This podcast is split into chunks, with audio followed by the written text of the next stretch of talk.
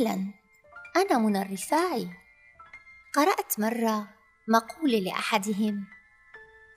لا أمقت شيئا في هذه الدنيا بقدر ما أمقت فكرة البيوت المستأجرة.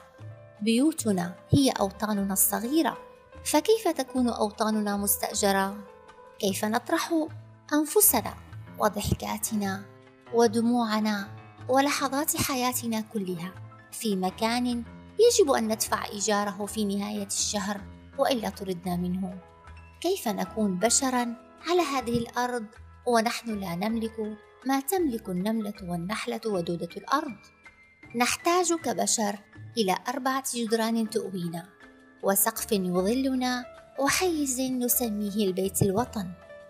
كلام الكاتب أعجبني كتير المرة الستة عشر يلي بنتقل فيها بحياتي. وبترك كل مرة ذكرياتي ولحظاتي وضحكاتي ودمعاتي. أثناء الانتقال انتابني الكثير من الأحاسيس والمشاعر.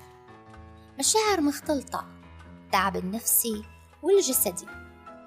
بالأخير قررت أعمل فنجان قهوة وأقعد أرتاح شوي.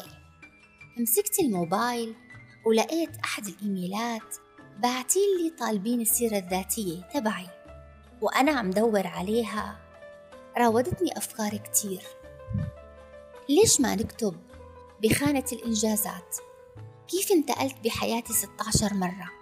وبكل مرة بحمل وطني بحقيبتي وبنتقل وببدأ من الصفر. ليش ما نكتب تصرفنا بشجاعة لما أجبرتنا الظروف إنه نسلك طريق ما بنحبه؟ وكيف حضنا حزننا وقلوبنا عم تبكي دم؟ أليس هذا إنجاز؟ ليش ما ينكتب بخانة المهارات؟ عن تلك التي انهارت مرات عدة ولكنها عادت للوقوف على رجليها من جديد. أليست مهارة؟ من تلك الضعيفة التي تشجعك وترفع معنوياتك وتضحكك في كثير من الأحيان وهي بداخلها أضعف البشر. ليش ما نكتب بخانة الخبرات تحديدا؟ كيف صبرنا على غياب الأحباب وموت الأقرباء؟ وكيف سامحنا؟ بعد خذلان كتير. ليش ما نكتب؟ بخانة المهارات. الصبر والسماح والثبات والقوة رغم الألم واليأس. الشهادات والأوراق أقرب إلى الحائط من ذاتنا.